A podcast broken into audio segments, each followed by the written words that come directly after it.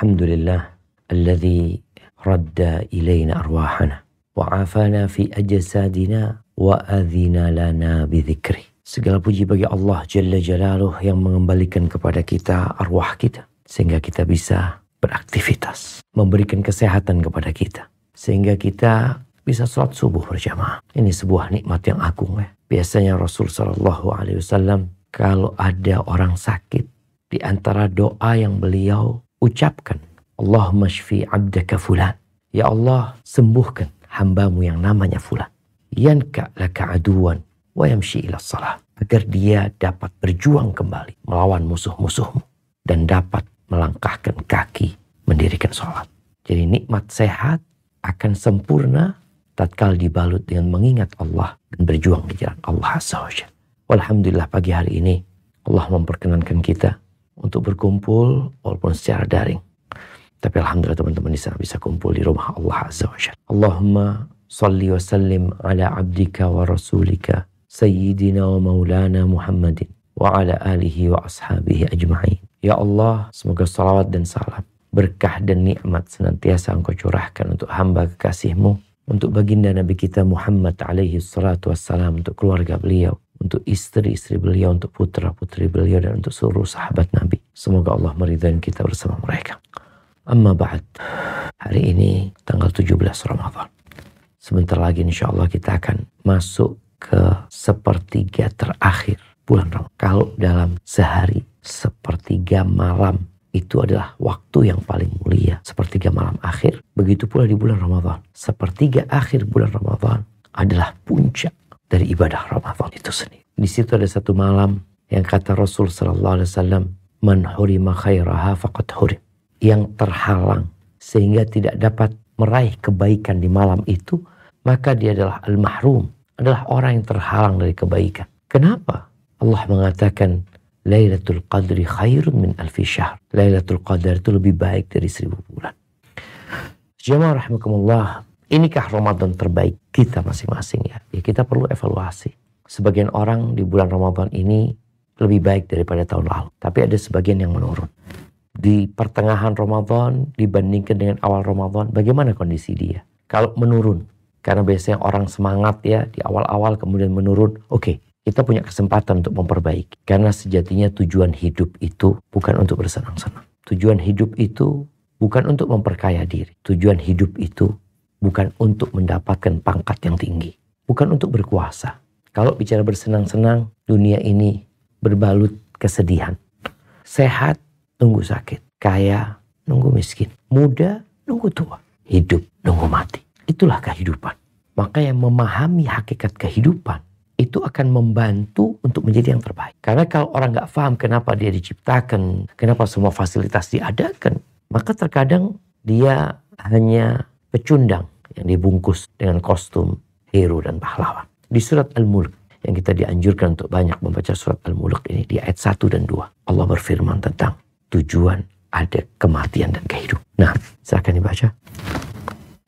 أعوذ بالله من الشيطان تبارك الذي بيده الملك وهو على كل شيء قدير الذي خلق الموت والحياة, والحياة ليبلوكم أيكم أحسن عملا وهو العزيز الغفور yang artinya Maha suci Allah yang menguasai segala kerajaan dan dia maha kuasa atas segala sesuatu yang menciptakan mati dan hidup untuk menguji kamu siapa di antara kamu yang lebih banyak amalnya yang dan dia baik. maha perkasa lagi maha pengampun yang lebih banyak malah lebih baik barusan ya nah yang lebih baik ya yang lebih baik amalannya Indonesia ini milik Allah kalau kita melihat penguasanya berganti karena mereka pergi meninggalkan kekuasaan Kenapa? Mereka bukan pemilik. Kita pernah dijajah Belanda 350 tahun. Sebelumnya kita lihat bagaimana kondisi Nusantara.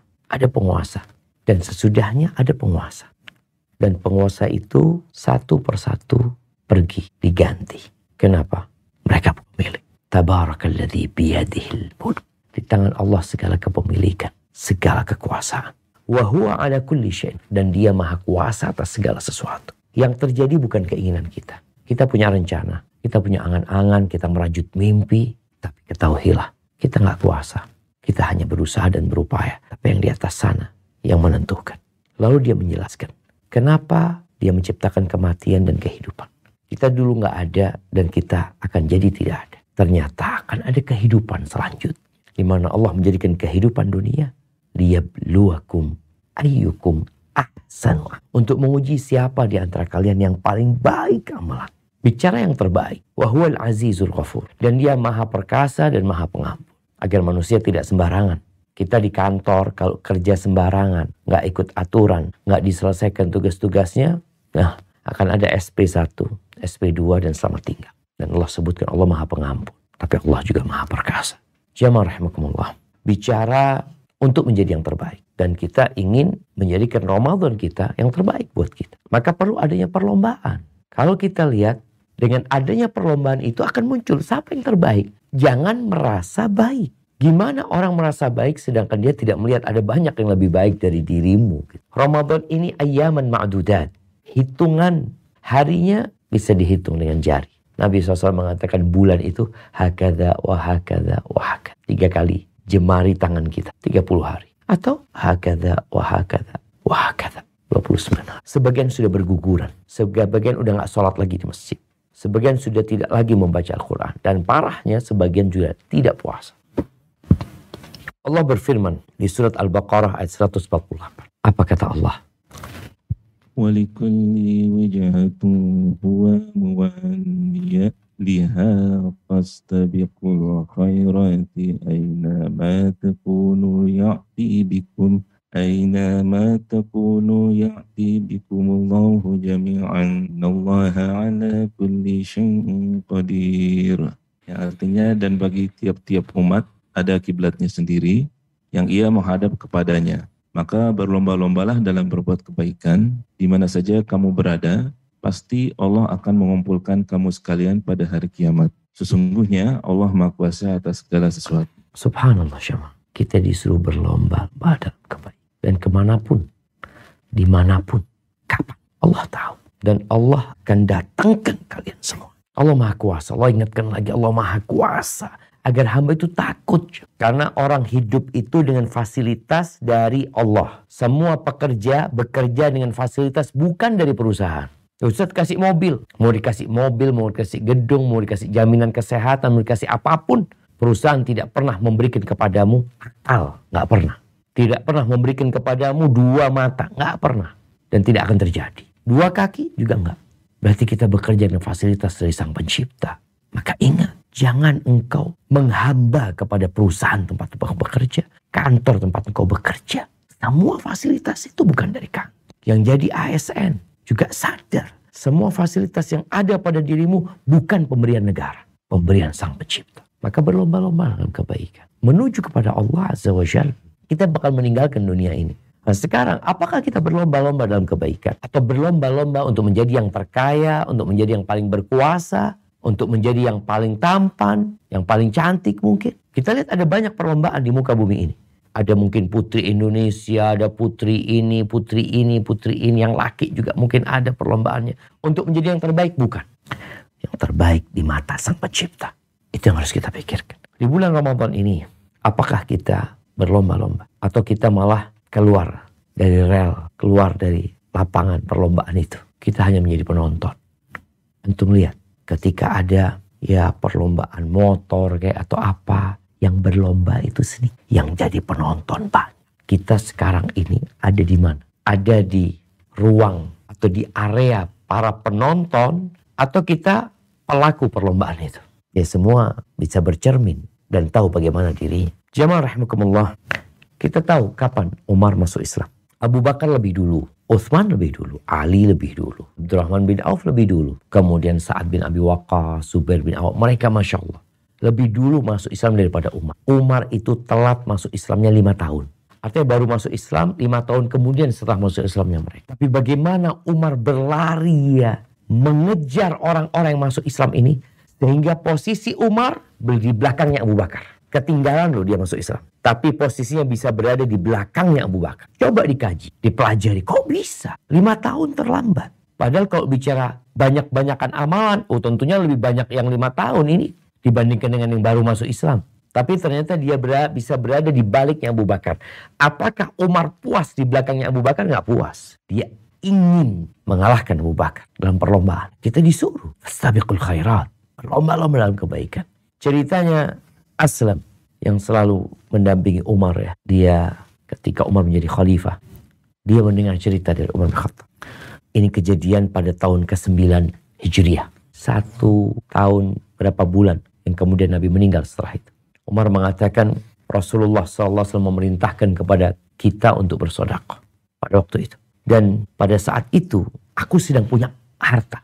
Maka Umar mengatakan, Al-yawma asbiku Abu Bakar in sabaktuhu yauman. Hari ini aku akan mengalahkan Abu Bakar kalau memang aku bisa mengalahkan dia. Hari ini sudah. Kalau mungkin ada satu hari aku bisa mengalahkan Abu Bakar, ya, menyalip Abu Bakar. Hari ini kalau bisa. Faji'tu binisfi mali. Abu Umar bawa setengah harta. Ingat kalau bicara sodakoh, itu hitungannya di hari kiamat bukan dengan banyak jumlahnya, tapi persentase yang dikeluarkan dengan yang dimiliki. Ada orang miskin sodakoh 5 ribu, boleh jadi lebih baik daripada orang kaya yang sodakoh 5 miliar. Karena kau bisa, itu orang miskin cuma punya uang 10 ribu. Bas dia punya uang itu aja. Dia sodakohkan 5 ribu, 50 persen. Yang orang kaya sodakoh 5M, dia punya 1 triliun. Atau dia punya 100M. Atau dia punya 50M. Berapa persen? Omar bawa setengah hartanya. Ditanya sama Nabi SAW, Ma abqaita li ahlik? Apa yang kau tinggalkan buat keluargamu? Kata Umar mithlahu. Seperti kan dilihat banyak gitu loh. Ini takutnya semuanya di bawah. Ternyata Umar mengatakan sama seperti itu. Kata Umar melanjutkan ceritanya, wa ata Abu Bakar bikulli ma'inda. Abu Bakar datang dengan semua yang dia miliki. Nabi bertanya kepada Abu Bakar, Ma Abu Qaita li ahlik? Apa yang engkau tinggalkan buat keluarga? Kata Abu Bakar, Abu Qaitu lahumullah wa rasul. Aku tinggalkan buat mereka Allah dan Rasul.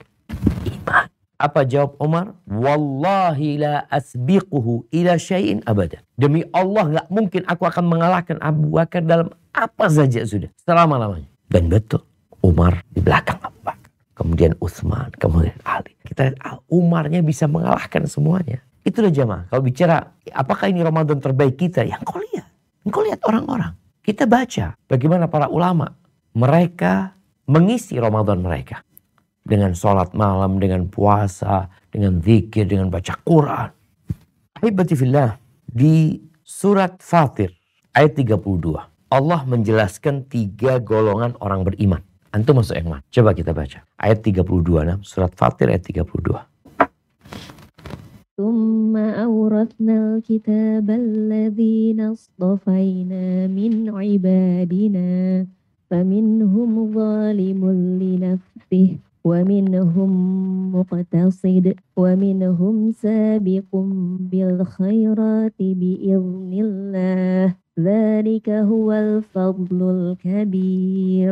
Kemudian kitab itu kami wariskan kepada orang-orang yang kami pilih di antara hamba-hamba kami. Lalu di antara mereka ada yang menzolimi diri sendiri, ada yang pertengahan, dan ada pula yang lebih dahulu berbuat kebaikan dengan izin Allah. Yang demikian itu adalah karunia yang besar. Masya Allah. Ya, ada tiga golongan yang disebutkan. Yang pertama, walimun linafsi. Faminhum walimun linafsi. Dengan apa? Berbuat maksiat. Ini orang beriman. Kita bicara orang beriman. Dia ini muslim tapi masih maksiat. Kemaksiatan yang dibawa ke kufuran. Dosa-dosa besar. Ya. Ini orang membolimin dirinya. Yang kedua, muktasid. Orang yang pertengahan ya. Ini pokoknya dia ngerjakan yang wajib, meninggalkan yang haram. Bas, ada kondisi orang meninggalkan yang haram, yang wajib dia kerjain. Kemudian yang ketiga, sabiqun bil khairat, mendahului dengan kebaikan-kebaikan. Ini adalah orang yang mengerjakan yang wajib, memperbanyak yang sunnah, meninggalkan yang haram, meninggalkan yang makruh, meninggalkan memperbanyak hal-hal yang mubah. Dia berlomba-lomba dalam kebaikan. Tiga tingkatan manusia. Dan di bulan Ramadan juga sama seperti itu. Sebagian ulama menyebutkan bahwasanya puasa ini ada tiga derajat. Tiga derajat. Derajat yang pertama itu disebut dengan saumul umum. Ya puasa kebanyakan orang. Gimana kebanyakan orang? Ya cuma nggak makan, nggak minum, meninggalkan syahwatnya. Tapi dosa tetap jalan. Ini golongan yang pertama tadi. Jadi dia nggak makan, nggak minum, dengan syahwatnya, tapi masih bohong, masih dusta, matanya masih berbuat dosa, telinganya berbuat dosa, lisannya juga kayak gitu. Dan ini yang dikatakan oleh Nabi SAW, Rubba sa'imin hadduhu min siyami al-ju' wal atash. Banyak orang puasa, dia hanya mendapatkan lapar dan haus. Ini puasanya orang umum. Kebanyakan manusia kayak gitu. Lupa dengan hakikat disyariatkan yang puasa. La'allakum tattaqun. Yang kedua, yang disebut muktasid. Kalau yang pertama tadi kan zalimul li nafsih. Yang kedua muktasid. Ini saumul khusus. Puasanya orang khusus. Dia meninggalkan segala pembatal puasa. Dia tinggalkan dan dia menjaga raganya dari berbuat dosa. Jadi puasa plus. Karena dia tahu disyariatkan puasa bukan hanya untuk meninggalkan makan dan minum, tapi bagaimana kita meninggalkan perbuatan dosa. Kalau yang halal ditinggalkan, apalagi yang haram. Ini faham orang. Sehingga dia menjaga matanya, menjaga pendengarannya, menjaga lisannya dari yang haram. Pokoknya semua dosa sampai dikatakan saumul jawari. Jadi raganya berpuasa dari berbuat dosa. Makanya setan-setan udah dibelenggu. Neraka udah ditutup. Jadi orang muktasid, biasa-biasa aja gitu. Tapi sudah sudah masuk khusus ya dibandingkan dengan yang pertama, ini spesial. Ada yang ketiga yang disebut khusus al-khusus, spesial dari yang spesial. Ini yang sabiq bil khairat. Ini orang-orang yang mendahului, yang berlomba-lomba dalam kebaikan. Seperti apa puasanya? Disebutkan hatinya berpuasa. Kalau tadi raganya yang nomor dua itu, kalau ini hatinya berpuasa dari ambisi-ambisi yang remeh. Dari pemikiran-pemikiran duniawi. Kemudian menahan dari selain Allah SWT. Dia fokus untuk Allah. Makanya kalau kita lihat puasanya orang khususul khusus ini, biasanya di puncaknya itu itikaf. Ya nggak selalu, tapi kita lihat Rasul Shallallahu Alaihi Wasallam itu iktikaf, benar-benar meninggalkan dunia. Mungkin sebagian orang berpikir Ustaz kita kan hidup di dunia Ustaz, kita gimana ninggalin dunia? Iya, ada masa-masa kita meninggalkan dunia dengan fisik dan raga kita. Tapi yang terpenting sebenarnya hati. Apa gunanya engkau berada di masjid, iktikaf, tahu hatimu ada di pasar, hatimu ada di mana-mana. Maka tentunya orang yang di rumah tapi hatinya berpuasa dari mimpi-mimpi yang remeh. Maka itu orang yang sabiqun bil khairat. Namun kalau dia hatinya seperti itu, raganya dimasukkan ke rumah Allah. Dia tinggalkan rumah dia sendiri, kemudian dia berada di rumah Allah Azza wa Jal. Untuk mengingat Allah selalu. Membersihkan hatinya dari pemikiran-pemikiran yang remeh. Bukan dosa. Enggak. Dosa tadi udah yang yang kedua. Ini berlomba-lomba. Dia benar-benar menuju kepada Allah Azza wa Jal. Maka dia tinggal di rumah Allah ya. Tapi sekali lagi ini nggak nggak nggak wajib gitu. Tapi ada orang yang memang ingin berlomba-lomba dalam kebaikan. Rasulullah SAW, beliau bisa di rumahnya tetap menjaga hati bisa. Tapi beliau memberikan contoh dengan meninggalkan istrinya, meninggalkan kesibukan duniawinya 10 hari, 10 malam. Coba. Ahibati fillah. Dan ini yang terbaik. Puasa yang terbaik. Karena dia selalu mengingat Allah dan melupakan ya hal-hal remeh dalam kehidupan. Al-Imam Ahmad meriwayatkan dari Sahal bin Mu'ad bin Anas al-Juhani. Dari ayahnya jadi Mu'ad bin Anas al-Juhani. Ini cerita di masa Rasul SAW. Bahwa ada seorang laki-laki yang bertanya kepada Nabi SAW. Apa pertanyaannya? Ayyul mujahidina a'zamu ajran ya Rasulullah. Puncak dari amalan Islam ini jihad. Zirwatu sanamihil jihad. Tentunya setelah orang itu mentauhidkan Allah, mengamalkan yang lainnya. Jadi punyanya jihad. Karena jihad ini mengorbankan waktu, energi, harta, jiwa, dunia. Dia kalau kita lihat mujahid mati selesai tinggal semua. Kalau nggak mati mungkin dia menang. kadang kadang ada yang cacat. Maka pertanyaan pertama dia, mujahid mana yang paling besar pahalanya? Karena kita tahu mujahid itu kan di medan perang macam-macam. Ada yang di bagian kanan, bagian kiri, bagian pemanah, ada bagian yang tombak, macam-macam tugas mereka. Ditanya mana sih yang paling baik ini mana? Karena dia ingin menjadi yang terbaik. Pertanyaan ini pun menunjukkan adanya semangat yang membara di dalam jiwa untuk menjadi yang terbaik. Apa kata Nabi SAW? Aktharuhum lillahi dhikra. Yang paling banyak mengingat Allah SWT. Itu selalu. Bicara ingat dari hati muncul ke. Zikir, ingat sama Allah. Tujuannya juga karena Allah. Tidak berharap dunia. Tidak harap pujian yang ada Allah. Ingat. Yang paling banyak mengingat Allah, itu yang paling baik. Bukan yang paling banyak yang dia bunuh. Bukan yang paling banyak lukanya. Tapi berpikir. Lalu dia bertanya. Pertanyaan yang kedua. Fa'ayu sa'imina a'wamu ajran. Yang kedua puasa. Orang puasa yang seperti apa yang paling banyak pahalanya. Yang paling besar ganjarannya di sisi Allah Azza wa. Kita lihat semuanya puasa. Ramadan nih, umat Islam semua puasa.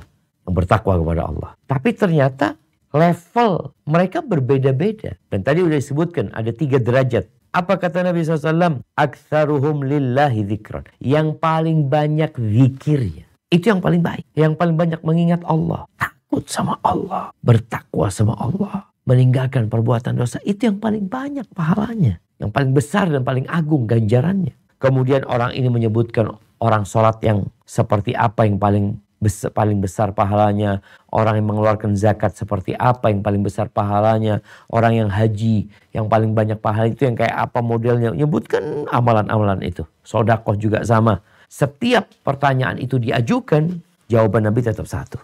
Aktsaruhum lillahi. Yang paling banyak zikirnya. Itu yang paling baik, yang paling besar pahala. Itu puasanya orang khusus dan khusus. Di mana ke mana pun dia berada, tetap dia mengingat Allah. Dia di pasar, kadang-kadang harus ke pasar.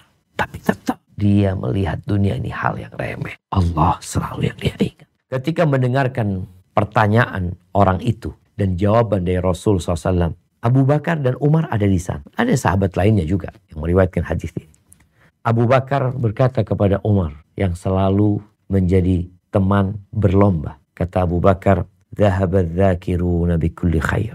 Umar ngomong sama Abu Bakar ngomong sama Umar. Adzakirun orang-orang yang suka berzikir itu borong semua kebaikan. Orang-orang yang suka berzikir. Mau jihad, mau puasa, mau sholat, mau haji. Orang-orang yang suka berzikir itu borong pahala. Nabi mendengar omongan Abu Bakar kepada Umar. Maka Nabi menjawab, ajal. Sallallahu alaihi wasallam. Kalau engkau berkata apakah ini Ramadan terbaikmu, engkau lihat sebanyak apa zikir di bulan yang penuh dengan berkah. Di surat Al-Ankabut ayat 45. Allah menyebutkan bagaimana kedudukan zikrullah. Kalau tadi kita mendengarkan sabda Nabi SAW, coba kita simak apa firman Allah berkaitan dengan zikir ini. Nah, silahkan dibaca.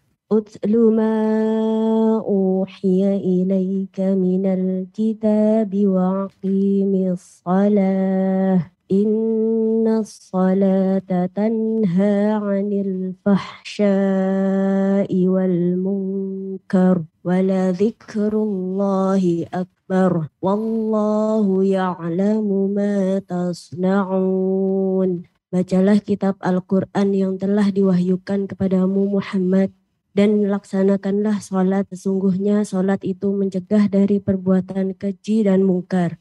Dan ketahuilah mengingat Allah, sholat itu lebih besar keutamaannya dari ibadah yang lain. Allah mengetahui apa yang kamu kerjakan. Subhanallah. Allah mengatakan wala dzikrullahi mengingat Allah itu lebih besar, lebih agung. Sebagian ulama mengatakan seperti riwayat Ibnu Zaid dan Qatadah dia mengatakan wala dzikrullahi akbar min kulli syai. Dari segala sesuatu. Sebaik-baiknya ibadah itu adalah zikir. Dan semua ibadah yang tidak ada zikirnya, yang ada zikirnya lebih baik. Orang berangkat umroh, tawaf, kita tahu syarat tawaf itu bersuci. Dan mengelilingi Ka'bah sebanyak tujuh kali. Kita bisa lihat ya, banyak manusia. Ada sebagian yang diem, keliling. Sah, tawafnya sah. Dia nggak baca apa-apa sah. Ada yang cuma baca Rabbana atina fid dunya hasanah, sah. Tapi ada yang terus berzikir. Dari sejak awal, terus dia berzikir. Tentunya itulah orang tawaf yang paling baik. Yang paling banyak zikirnya. Puasa juga sama seperti itu. Ada orang yang puasa, ya bas puasa aja. Gak makan, gak minum. Ditinggalkan semua pembatal. Tapi dia gak berzikir, dia gak baca Quran, dia tidak berdoa, tidak mengingat Allah Azza wa Jal. Yang ada, udah. Yang penting anak meninggalkan pembatal-pembatal puasa. Dan kita bisa mengevaluasi diri kita tiap hari. Mau jadi yang terbaik, zikrul. Ahibati fillah. Salman Al-Farisi pernah ditanya, Ayul a'mali afdal. Salman, amalan apa yang paling mulia? Jawab Salman, Ama taqra'ul Quran. Apa engkau nggak baca Quran? Apa kata dia? Wala zikrullahi. Mengingat Allah itu lebih besar, lebih afdal. Itu kata Allah. Kemudian Abdullah bin Abbas radhiyallahu anhuma, beliau juga pernah ditanya, Ayul amali afdal, amalan apa yang paling mulia? Sama dengan jawaban Salman. Zikrullahi akbar. Mengingat Allah itu lebih besar. Jamaah rahimakumullah. Nabi membuat percontohan orang yang berzikir dengan orang yang tidak mengingat Allah Jalla. Mathalul ladzi yadhkurullah wal ladzi la yadhkurullah. Mathalul hayy wal. Permisalan orang yang mengingat Allah dan tidak mengingat Allah itu seperti permisalan orang yang hidup dan mati. tidak berzikir itu seperti bangkai. Maka di sisa hari Ramadan ini, tolong penuhi dengan zikrullah. Kita berpuasa, perbanyak zikir. Sholat malam, kita tahu fadilahnya, perbanyak zikir. Bersodakoh, memberi buka orang yang berpuasa, perbanyak zikir. Silaturahim, zikir. Dalam semua kegiatan ibadah kita perbanyak zikir. Di malam-malam Lailatul Qadar, perbanyak zikir. Dan di antara zikir itu adalah membaca Al-Quran. Allah mengatakan inna nahnu nazzalna dzikr kami benar-benar telah menurunkan zikir Al-Qur'an wa inna lahu lahafidh dan dengan terus berzikir yang zikir itu merupakan uh, nutrisi untuk jantung kita untuk kita semakin banyak berzikir semakin sehat terus ya terjaga dari setan dan kita semangat ibadah syama kenapa jantungnya sehat dan 10 hari terakhir memerlukan perjuangan yang Barakallahu fiik itu mungkin yang dapat Ana sampaikan pada kesempatan kali ini. Mungkin kita masuk ke sesi tanya jawab. Nah, Ana kembalikan ke moderator. Jazakumullah khair. Jazakallahu khairan kasira kepada Ustaz Taufik Reza Basalama dan mengingatkan kepada kita semua bahwa perjalanan kita di Ramadan ini sudah melewati separuh lab ya dan sudah banyak yang keluar dari arena perlombaan. Semoga kita termasuk yang masih uh, berlomba, masih berfastabikul khairat, masih berlomba-lomba dalam kebaikan supaya kita bisa menjadi yang mendahului ya, sabikuna bil khair tadi. Nah, supaya kita bisa lebih semangat lagi berlomba, kadang-kadang tentu ada hambatan, ada tantangan, ada macam-macam. Jadi kalau ada hal-hal yang hendak ditanyakan supaya kita makin terdepan kayak merek tertentu, tapi nggak boleh disebut ya karena bukan sponsor. Nah ini uh, kami persilahkan, kami buka terlebih dahulu untuk jamaah yang ada di masjid. Selanjutnya mungkin nanti ada yang uh, online juga. Kami persilahkan, Bapak-Bapak, Ibu-Ibu, silakan. Assalamualaikum warahmatullahi wabarakatuh. Waalaikumsalam warahmatullahi wabarakatuh. Ahlan wa sahlan. Mohon maaf saya mau tanya Pak Ustadz. Siap. Nah masalah ayat A'udzubillahiminasyaitonirrajim. Bismillahirrahmanirrahim. Ya ayyuhalladzina amanu kutiba alaikumusyamu kama kutiba alal ladzina min qablikum la'allakum tattaqun. Alaya wallahu lam muradik. Yang saya tanya eh, kalimat lapan kutiba Allah di sini pakai kalimat majazi. Kenapa? Apa tujuannya dan apa kalimat hakiki di lapan kutiba alaikumusyamu. Sekian dan terima kasih. Masya Allah. Iya. Ahibati fillah. Yang pertama Allah menurunkan Al-Quran. Itu, itu bukan hanya untuk dibaca. Al-Quran diturunkan untuk ditadabur, untuk dihayati, kemudian diamalkan dalam kehidupan. Sebagian orang ada yang sibuk menegakkan huruf-hurufnya.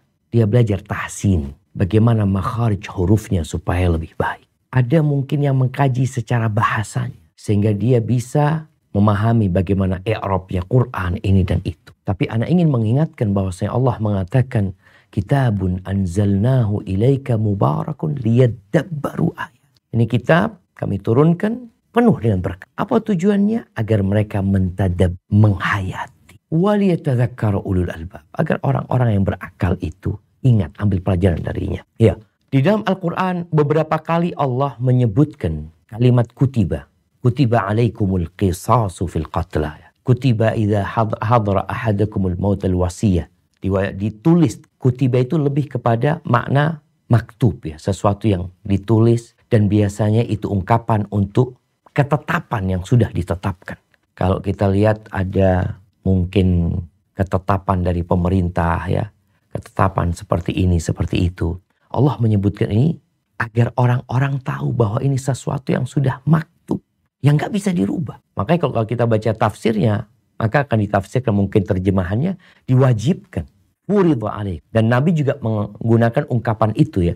Ketika beliau mengatakan kepada para sahabatnya ketika datang bulan Ramadan. Ja'atakum Ramadan syahrun mubarak iftaradallahu alaikum siyamah. Allah menjadikan fardu puasa itu buat kalian. Jadi seperti itu Allahu alam bisawab ya. Itu mungkin yang Anda fahami agar orang-orang benar-benar mengetahui ini sesuatu yang sudah ditetapkan yang nggak bisa di nggak bisa diganggu lagi sudah tugasnya mengamalkan hal itu. Hadza wallahu a'lam bissawab. Jazakallah khair Ustaz.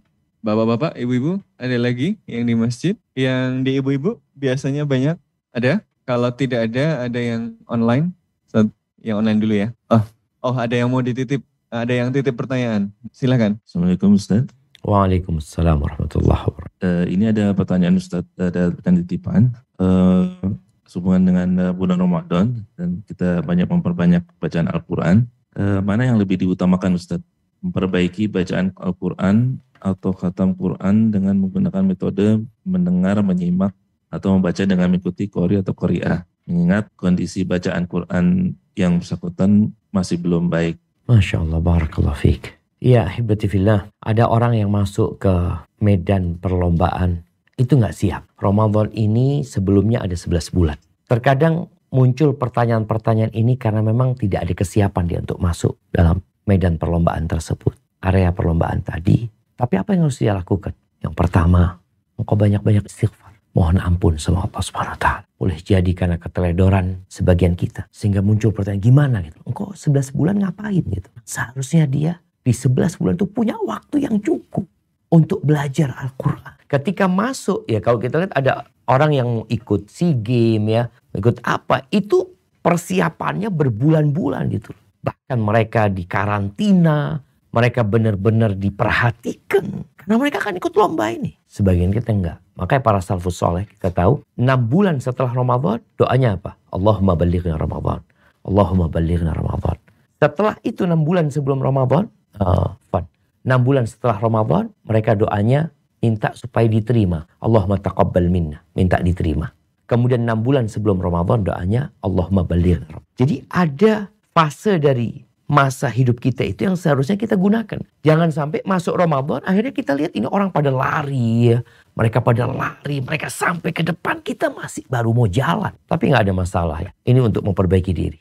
Apa yang harus dilakukan? Kalau bicara mana yang terbaik? Yang terbaik tentunya membaca Al-Quran dengan memahaminya, mentadaburinya sehingga dapat dua. Dapat pahala membaca huruf-hurufnya. Yang kedua, dapat hidayah dari membaca dan memahami kandungan. Mana yang kau akan lakukan? Silahkan kau pilih. Kalau dikatakan engkau bisa menggabungkannya itu yang terbaik. Kalau bicara yang terbaik yang dapat menggabungkan. Qatada ibn Da'am sadusi seorang tabi'in rahimahullahu taala, sebelum Ramadan dia itu biasa menghatamkan Al-Qur'an tiap tujuh malam. Tiap tujuh malam dia hatam.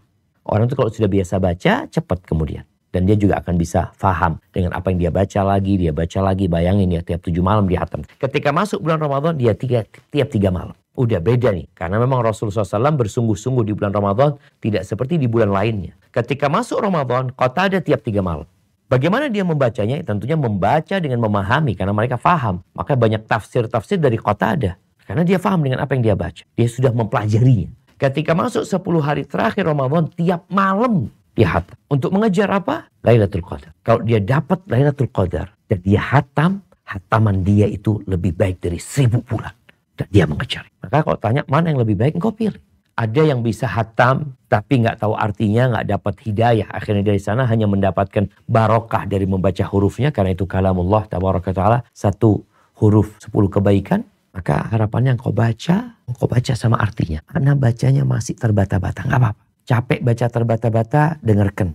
Mau dengarkan pakai handphone atau tadarus sama orang yang baca. Intinya mana yang bisa engkau lakukan. Semakin kau bisa sempurna, itu terbaik. Apalagi di 10 hari terakhir. Hada wallahu alam Syukran, syukran Ustaz. Mungkin karena waktu yang uh, terbatas, kita satu pertanyaan lagi mungkin atau dua? Satu, satu saja dulu ya. Oh masih bisa, dua. Ustaz masih berkenan ya. Jadi kalau begitu dua pertanyaan terakhir dari online kami persilahkan. Yang pertama tadi udah lama uh, umum Mikdad ya. Iya, kami persilahkan. Mata saya minus jadi di layar nggak lihat.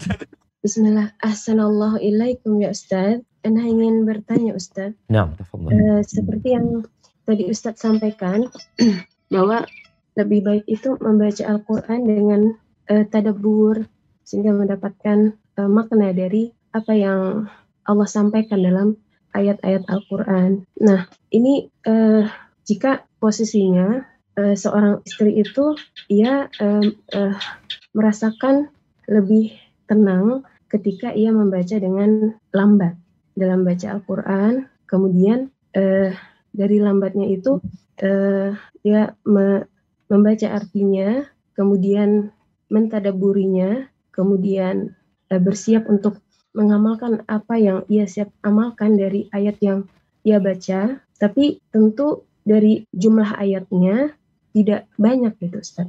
Nah. Namun uh, di sisi lain uh, suaminya ini memerintahkan dia untuk membaca dengan tempo yang lebih cepat supaya dia si istri ini cepat khatam dan banyak lebih banyak ayat Al-Qur'an yang dibaca. Nah, bagaimana ini Ustadz menyikapinya? Mohon berikan kami nasihat. Jazakumullah khair wa barakallahu fikum Ustadz. Wa wa barak. Nah, jamaah semua ini muncul karena kita sepanjang tahun itu kurang berinteraksi dengan Al-Quran. Tadi Anda kasih contoh bagaimana kota ada tiap tujuh malam. Ketika masuk Ramadan, dia bisa lebih cepat lagi. Karena dia seperti mungkin tadi suaminya ngomong, supaya dapat lebih banyak lagi. Tapi kan tadaburnya mungkin tidak tidak terlalu mendalam. Tapi bisa dilakukan. Atau masalahnya bukan tadaburnya tidak mendalam. Yang dilakukan kota ada tujuh malam itu, karena memang dia mungkin punya banyak kegiatan lain. Tapi ketika masuk Ramadan, dia kurangin kegiatannya, sehingga dia bisa lebih cepat dua kali lipat. Ya dari yang tujuh jadi turun jadi tiga. Karena waktunya dia lebih banyakin lagi. Kemudian ketika masuk sepuluh hari terakhir boleh jadi tadi waktunya lebih diperbanyak lagi. Jadi kalau bicara jam kita baca satu juz itu sama artinya berapa jam sebenarnya? Anggap satu jam. Orang yang baca sama artinya. Kalau orang yang udah paham bahasa Arab dia baca ayatnya langsung dia lanjut gitu Sedangkan yang tidak paham, dia baca, kemudian dia turun baca artinya. Ini mungkin yang membedakan antara mereka yang paham bahasa Arab, kemudian dia sudah baca tafsir Quran, sehingga tatkala dia membaca ayat, langsung masuk ke dalam pikiran dia. Dia langsung menghayatin. Tapi yang nggak bisa bahasa Arab kan tadi, dia harus merujuk tafsirnya. Dua waktunya akhirnya double yang harus dia ambil. Tapi kalau dia sebelum Ramadan sudah sering baca artinya terus ya tiap bulan dia hatam sama artinya. Lama kelamaan dia itu ketika baca ayat itu udah paham. Oh ini tentang ini. Oh ini tentang ini. Jadi pesan-pesan bisa dia dapatkan. Kalau tadi dikatakan ketika masuk bulan Ramadan akhirnya bacaannya lambat. Maka ini jadi pertanyaan. Apakah engkau memang sudah biasa baca lambat sebelum Ramadan? Atau di Ramadan engkau lambat? Seharusnya di Ramadan ini memang lebih cepat. Namanya berlomba-lomba lebih cepat dari sisi waktunya lebih banyak mungkin kalau bisa di, di, di konsep waktunya yang lebih banyak. Kalau di Ramadan anak satu jam saat Di Ramadan anak dua jam, anak tiga jam, anak empat jam. Jadi terjadi penambahan waktu sehingga ada penambahan hasil. Bagaimana sekarang suami kalau dikatakan suami tadi inginnya istri ini yang kau taat sama suami. Karena suami ingin kau lebih banyak bacaannya tapi mungkin tadi engkau tetap mentadaburi tapi tidak terlalu panjang dan waktunya ditambah. Sehingga engkau bisa dapat dua. Yang pertama engkau nurut sama suami dan itu akan membuat suamimu berbahagia. Apalagi urusannya ini urusan bukan sesuatu yang harus ya dilakukan oleh istri mentadaburinya pelan-pelan. Dia boleh baca tanpa mengetahui artinya tapi kan tadi bicara kualitas kualitas bacaan itu sesuai dengan kualitas dari tadabur yang kita lakukan sebenarnya. Kalau memang tadabur yang sangat mendalam sekali, kadang-kadang kita butuh waktu berbulan-bulan jamaah. Jadi intinya di Ramadan ini berusaha semaksimal mungkin lah kita lakukan itu. Kalau anti punya masalah dengan suami ya lakukan ini diminta suami. Cuma tadi engkau tetap tadabur mungkin namun tidak terlalu mendalam. Hadza wallahu a'lam. Syukran Ustaz.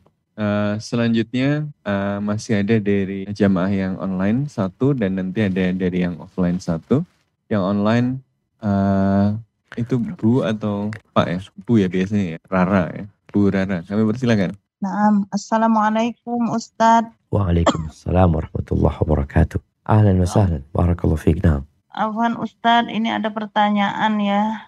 Uh, apakah boleh zakat mal itu diberikan kepada saudara kandung yang saat ini hidupnya agak kesulitan karena suaminya sakit, tetapi dia mempunyai mobil. Hanya saja dia tidak mau menjual mobil itu karena untuk gengsi hidupnya. Dan apakah boleh zakat itu juga diberikan untuk membantu menyumbang biaya rahimahullah yang mempunyai zakat mal ini juga orang janda saja itu uang warisan di bank yang belum dibagikan kepada anak-anak karena anaknya yang satu masih bujang yang satu masih masih tinggal bersama ibunya mohon penjelasannya Ustaz Afwan, Afwan, Afwan boleh diulangi yang kedua kalau yang pertama Anda sudah paham pertanyaannya dua ini ya, ya bolehkah uang zakat mal itu diberikan untuk menyumbang biaya badal haji rahimahullah biaya apa Ba'dal haji, Ustadz. Zakat untuk badal haji. Ya, naam Ustadz. Oke. Ah, rahimahullah mertuanya yang mempunyai zakat mal ini seorang janda Hmm. Yang uang warisan tapi belum dibagikan dengan anaknya karena anaknya yang satu masih lajang, yang satu masih sekolah Ustadz. Anak-anaknya belum meminta untuk dibagikan fiik. penjelasannya. Khairan. Assalamualaikum warahmatullahi wabarakatuh. Waalaikumsalam warahmatullahi wabarakatuh. Iya jemaah bicara zakat, anak ingin mengingatkan ya bahwasanya zakat ini tidak hanya dikeluarkan di bulan Ramadan. Zakat ini ada nisabnya, ada haulnya. Zakat mal itu setelah berputar satu tahun, apabila dia mencapai nisabnya dan itu milik tam, milik dia, maka dikeluarkan zakat. Kalau kita punya uang itu di bulan Sya'ban, nggak boleh kita keluarkan di bulan Ramadan. Karena berarti lebih dari satu tahun. Kalau kita punya uang itu di bulan Syawal, boleh kita majukan di bulan Ramadan. Jadi zakat itu boleh dimajukan tapi nggak boleh diundurkan. Karena ini berkaitan dengan hak orang-orang yang sudah ditetapkan. Kalau bicara yang pertama tadi, bolehkah diberikan kepada saudara kandung? Boleh-boleh saja apabila tidak saling mewarisi. Ada khilaf di antara para ulama yang jelas apabila tidak saling mewarisi di antara pendapat mereka, artinya kalau saudara kandungnya mati dia tidak akan mewarisinya. Karena jangan sampai zakat dikasih ke sana, dia mati akhirnya zakatnya jadi milik kita karena kita mewarisin dia.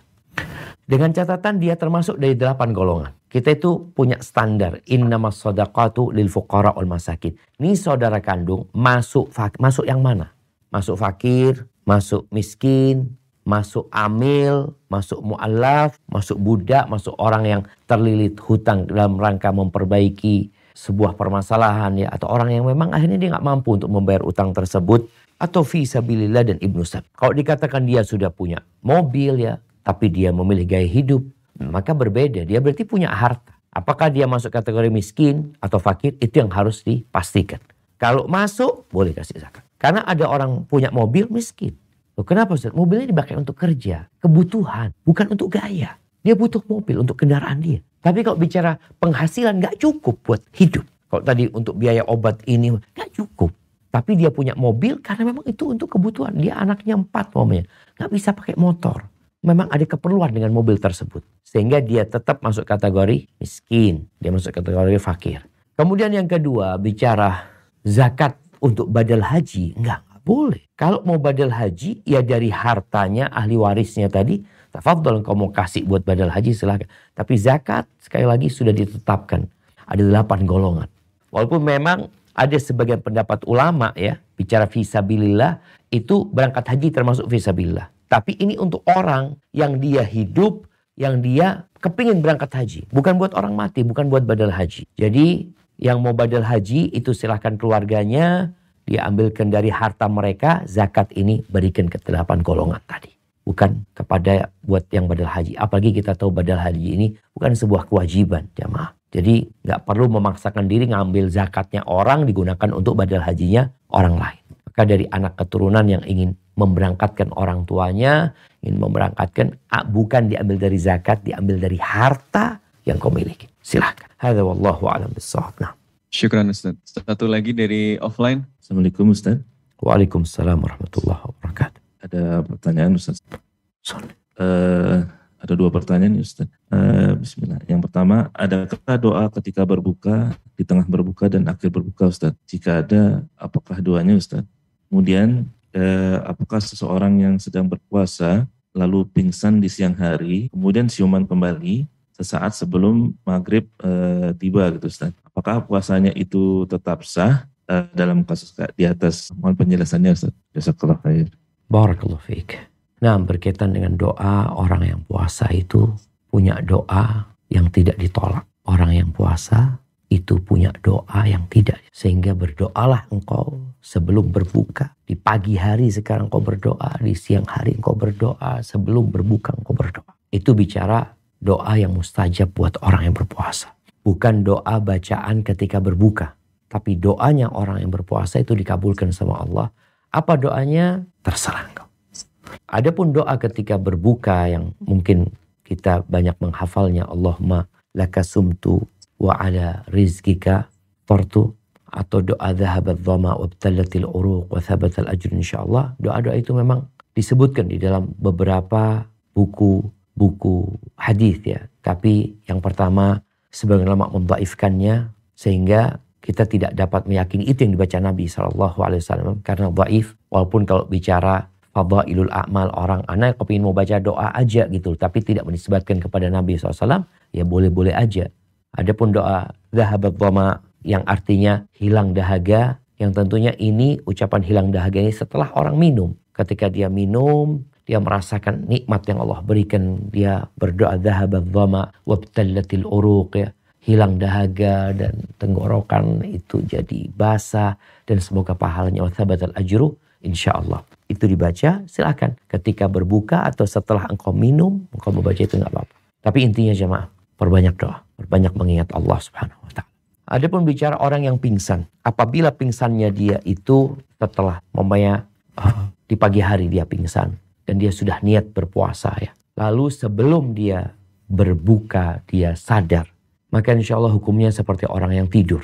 Tetap puasa dia sah dan dia tidak perlu menggantinya insya Allah. Tapi kalau dia full sampai waktu berbuka ya dari pagi dia sampai seharian sampai selesai waktu berpuasanya maka hendaklah dia menggantikan. Hadza wallahu alam bisawab itu yang dapat Anda sampaikan kurang lebihnya mohon maaf yang benar dari Allah Azza wa Jalla yang salah dari diri anak pribadi. Allah dan Rasulullah terbebaskan dari kesalahan itu. Sallallahu ala nabiyina Muhammadin wa ala alihi wasallam. Anak kembalikan ke moderator. Jazakumullah khair.